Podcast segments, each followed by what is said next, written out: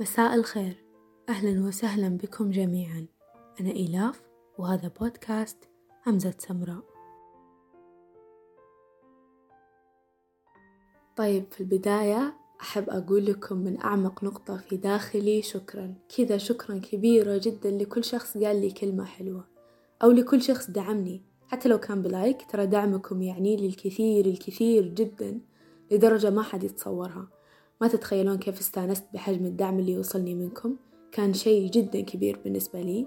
يعني شيء أعطاني حافز بقدر عالي. أسعدني كلامكم سواء بتويتر أو اليوتيوب أو ال Sound أو Apple Podcast. قرأت كلامكم شخص شخص ولامسني حتى أنه لامس أعماقي. يعطيكم ألف عافية لكل الداعمين في أي مكان كنتم. أنا جدا ممتنة لكم. قبل نبدأ حلقة اليوم أحب أذكركم إذا عجبكم البودكاست لا تنسون تشاركوه مع الأشخاص اللي يفضلون هذا النوع من المواضيع. ودائما وأبدا أعطوني آراءكم وحتى انتقاداتكم إن وجدت. شاركوني إياها ونناقشها في الحلقات القادمة بإذن الله بكل متعة. وبالمناسبة حلقة اليوم راح تكون بثرة. هذاني علمتكم. وطبعا هذا بناء على طلبكم. لأن مو طبيعي قديش شفت تعليق. ليش الحلقة أربع دقايق؟ يا جماعة اصبروا نتفاهم شوي. هي اسمها أول حلقة. أكيد ما راح أطول. مو طبيعي من أول حلقة بقعد أتكلم ساعة. تملون مني أكيد. قلت أعطيكم إياها خفيفة ظريفة ما بيكم تنفرون. تقولون هذه ثرثارة. قلت أوريكم إني هادية رايقة ذربة كذا يعني. المهم اخترت لكم اليوم نص. هو مو طويل أبدا لكن التفاصيل جدا طويلة ومتيقنة إن شرح النص راح يناسبكم من وجهة نظري. إذا اختلفنا اكتبوا لي النقطة اللي اختلفنا فيها. عشان نناقشها. نص اليوم يقول آه، أو خلينا نحكي القصة بالأول. مرة شفت بتويتر شخص يسأل وللأمانة هو حساب اسمه اقتبسته لكم بتويتر. بحط لكم حسابه بالوصف لأن أسئلتهم جدا ممتعة. السؤال كان يقول أين تكمن المشكلة؟ لما نطالع في السؤال هو سؤال عام يعني ممكن أي أحد راح يحكي عن مشاكله. لكن أنا من وجهة نظري وصفت لكم المشكلة في نص وراح أشرحها لكم أيضاً. أين تكمن المشكلة؟ في ضعف محاولاتنا رغم أننا مستمرين، وما بين سطور كتاباتنا في حين أننا شاعرين، أيضا في عمق أعماقنا ولسنا بالصامتين، حتى في أجزاء بعثرتنا ولا زلنا نشكك باليقين.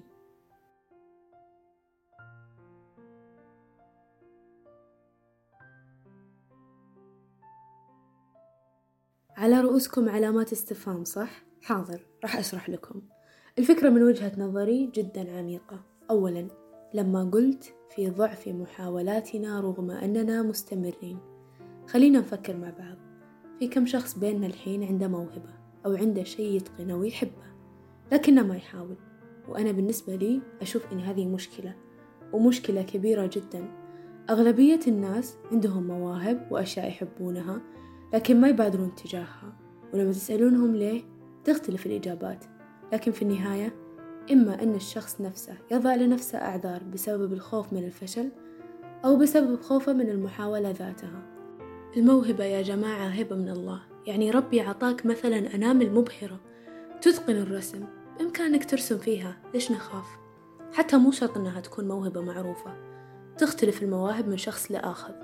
لكن البعض لأن موهبته نادرة يخاف من فشلها وشعوره بالخوف من الفشل يطغى على موهبته وشغفه. لكن خلينا ننظر للجانب المشرق. أنت يا الشخص اللي تملك موهبة نادرة. تخيل إن ما في منك غير عشرة بالمية في العالم مثلا. مستوعب إن العالم أغلبه مضطر يتعامل معك أنت بس لأنه ما في منك كثير. وطبعا هذا مو تقليل من شأن الآخرين. لأن أنا أشوف مثل ما كل واحد في هذه الدنيا عنده بصمة واحدة غير متكررة اللي هي بصمة الإصبع. ما تتكرر بالعالم كله. أيضا كل موهبة هي بصمة غير متكررة. مهما شفنا إنها تشبه الكثير إلا إنها مختلفة. لهذا السبب حاولوا جربوا. أبدا لا توقفون. الدنيا مليانة فرص. لو هذه الفرصة ما نجحت غيرها راح ينجح. ولو هذا الباب ما انفتح غيره راح ينفتح. الدنيا مخبيت لنا الفرص. والله يرزقنا بتلك الفرص من حيث لا نحتسب. إحنا فقط علينا بالمحاولة. حرام إننا نمتلك موهبة ونضيعها بسبب الخوف. طول ما إحنا بأيادينا مواهب معناته إحنا نملك بأيادينا كنز.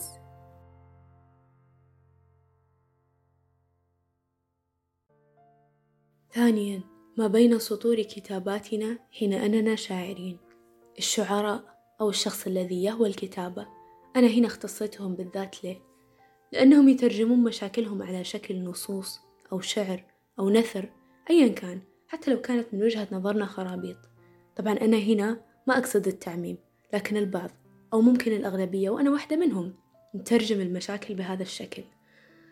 وهذا شيء جدا جميل على فكرة يعني لأنه مفيد لهم من ناحية نفسية ومن ناحية أخرى. لما إحنا القراء نقرأ لهم وننبهر بكمية الجمال والعمق على الرغم من أننا ما نعرف مشاكلهم لكن انبهرنا انبهارنا هذا ممكن يكون نوع من أنواع المواساة لهم. هنا نقدر نقول أن الشعراء ما بين سطور كتاباتهم مشاكلهم. ثالثا أيضا في عمق أعماقنا ولسنا بالصامتين. هنا أنا أختلف مع أغلبية الناس في معنى الصمت قليلا. الأغلب يتوقع أن صمتنا عن مشاكلنا يعني إننا ما نتكلم عنها. أنا أشوف هذا المفهوم خاطئ.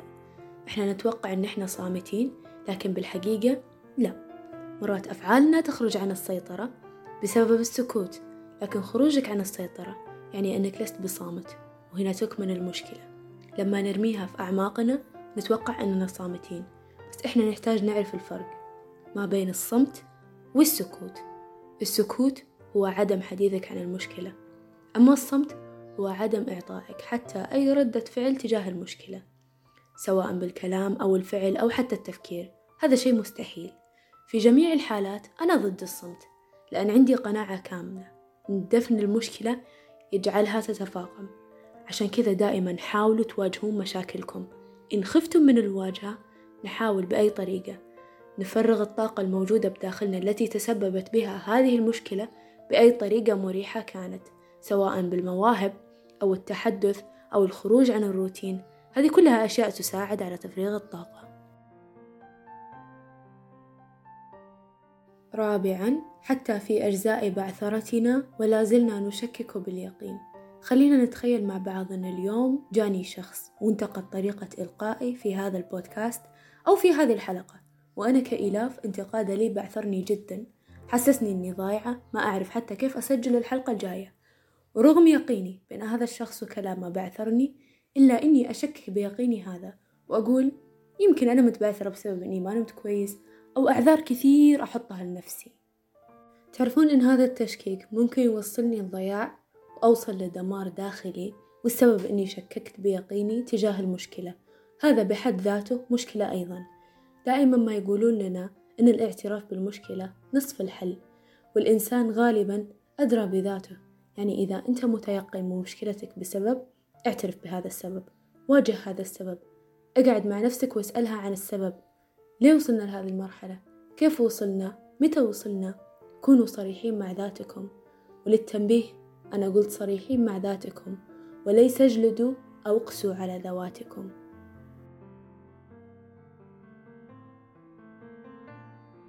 أتمنى أني وصلت لكم الفكرة بشكل واضح قدر الإمكان وضحتها لكم ونفس الوقت شاركوني إجاباتكم للسؤال.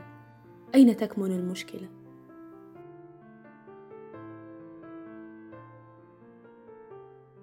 أنتظر إجاباتكم بكل حماس لأني راح أجاوب عليها ممكن أناقشكم فيها. قبل أنهي الحلقة أرجع وأقول إذا عجبكم البودكاست شاركوه للأشخاص اللي يفضلون هالمواضيع. وبإذن الله بالحلقات الجاية بشارككم قصص أخرى ونصوص أخرى وأيضا ثرثرة تليق بمسامعكم وتصل لأعمق نقطة من قلوبكم.